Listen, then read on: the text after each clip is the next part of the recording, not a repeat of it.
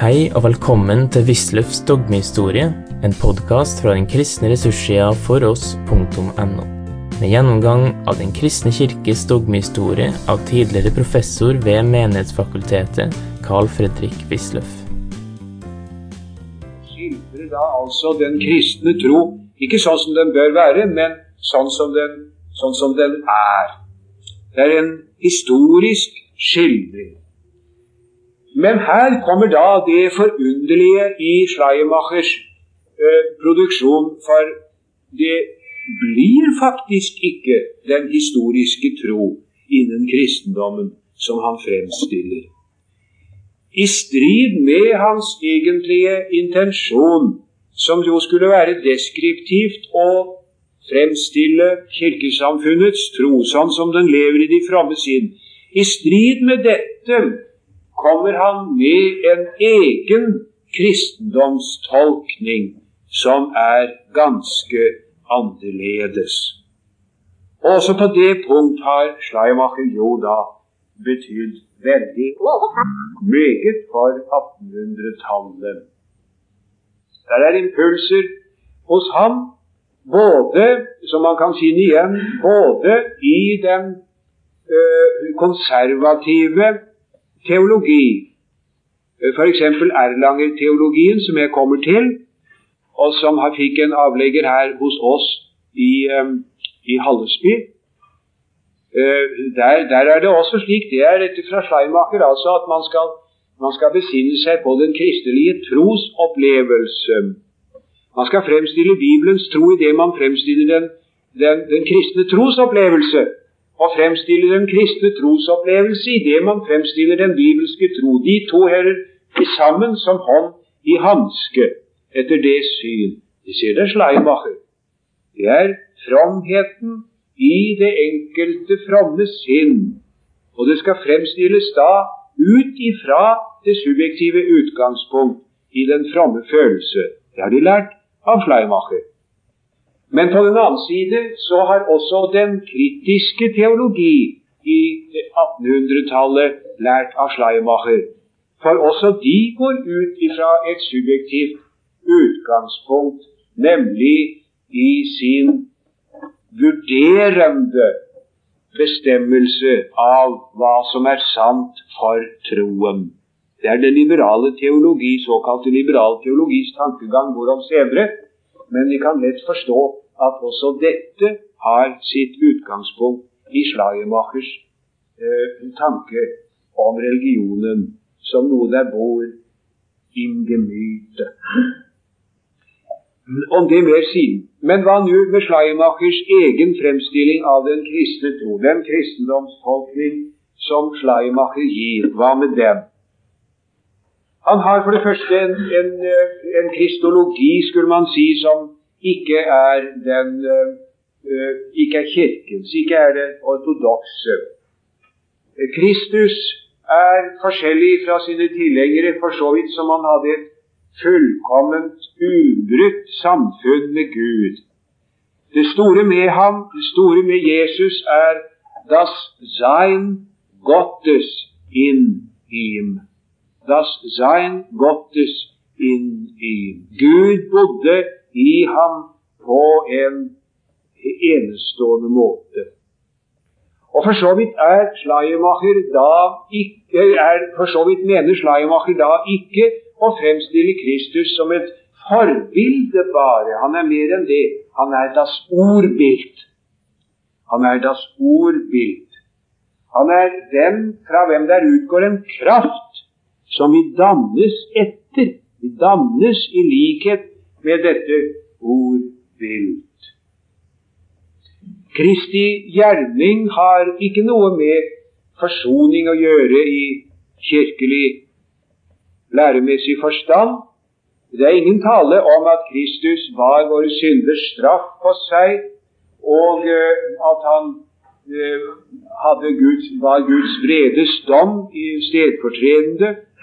Ingenting om hans oppstandelse til vår rettferdiggjørelse. Derfor svært lite også om syndenes forlatelse. Overhodet er synsbevisstheten meget svak hos Schleiermacher. Det frelsende ved Kristus er at han opptar mennesker i samfunn med seg. Det er hva han gjør. Han opptar mennesker i samfunn med seg. Han åpenbarer uh, Guds kjærlighet. Man finner hos Schleiermacher en versjon av den såkalte subjektive forsoningsteori, subjektive forsoningslære. Vi skjelner jo der, som de vil vite, mellom den objektive forsoningslære og den subjektive forsoningslære. Den objektive forsoningslære er Det nye testamentets, er, er Kirkens, som går ut på at eh, forsoningen var nødvendig for at Gud skulle kunne ta oss inn i sitt samfunn. Gud kunne ikke som den rettferdige Gud frelse oss uten forsoning.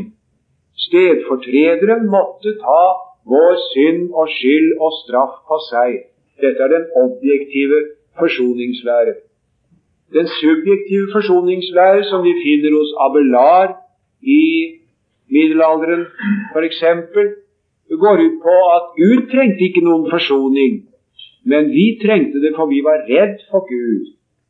Kristi gjerning er da ved sin selvhengivelse i døden å demonstrere for oss at Gud er bare kjærlighet og vil oss vel. Demonstrere det på en sånn måte at menneskene fatter tillit til det. Den subjektive forsoningslære kommer jo til kort, dels på det bibelske vitnesbyrd om Guds hellighet og vrede, dels på det bibelske vitnesbyrd om syndefordervet i oss. Det er en mangel på alvor og dybde i den subjektive forsoningslære. Man finner en versjon av denne hos Schleiermacher. Bevissthet om skyld er det veldig lite av hos ham. Schleiermacher har derfor på en måte kan man si, gjort av med rasjonalismen på ett vis. Den gamle rasjonalismen var for tørr. Den var for begrepsmessig. Den hadde ikke noen religiøs kraft. Den var bare moral. Schleimachers fortjeneste er å vise at kristendommen har ikke sitt sete i moralen, heller ikke i tenkningen i begrepene, og den behøver derfor heller ikke legitimere seg for den tenkende fornuft. Men uh, den uh, har sitt sete i den har sitt sete i, i, i, i følelsen, som sagt. Jeg gjentar Eh, Schleiermacher er blitt utgangspunktet for hele 1800-tallets eh, teologi på sett og vis. Også for de konservative lutheranere eh, som i likhet med Erlangene og Halsby her hjemme i høy grad skilte seg fra ham, derved at de holdt seg til det bibelske vitnesbyrd og bekjennelsens innhold. Også de på sett og vis hadde noe, nemlig av dette at dogmatikken, troen, det skulle bygge, bygges ut ifra det subjektive utgangspunkt. Selv om nok Hallesby samtidig også sa at dogmatikken er en normativ vitenskap, naturligvis. Det gjorde han ut fra sitt bibelsyn. Sitt syn, det gjorde erlangerne. Men de hadde lært av Schleimacher å ta utgangspunktet i den subjektive sfære. Den liberale teologi, hvorom i morgen, hadde også lært av Schleimacher.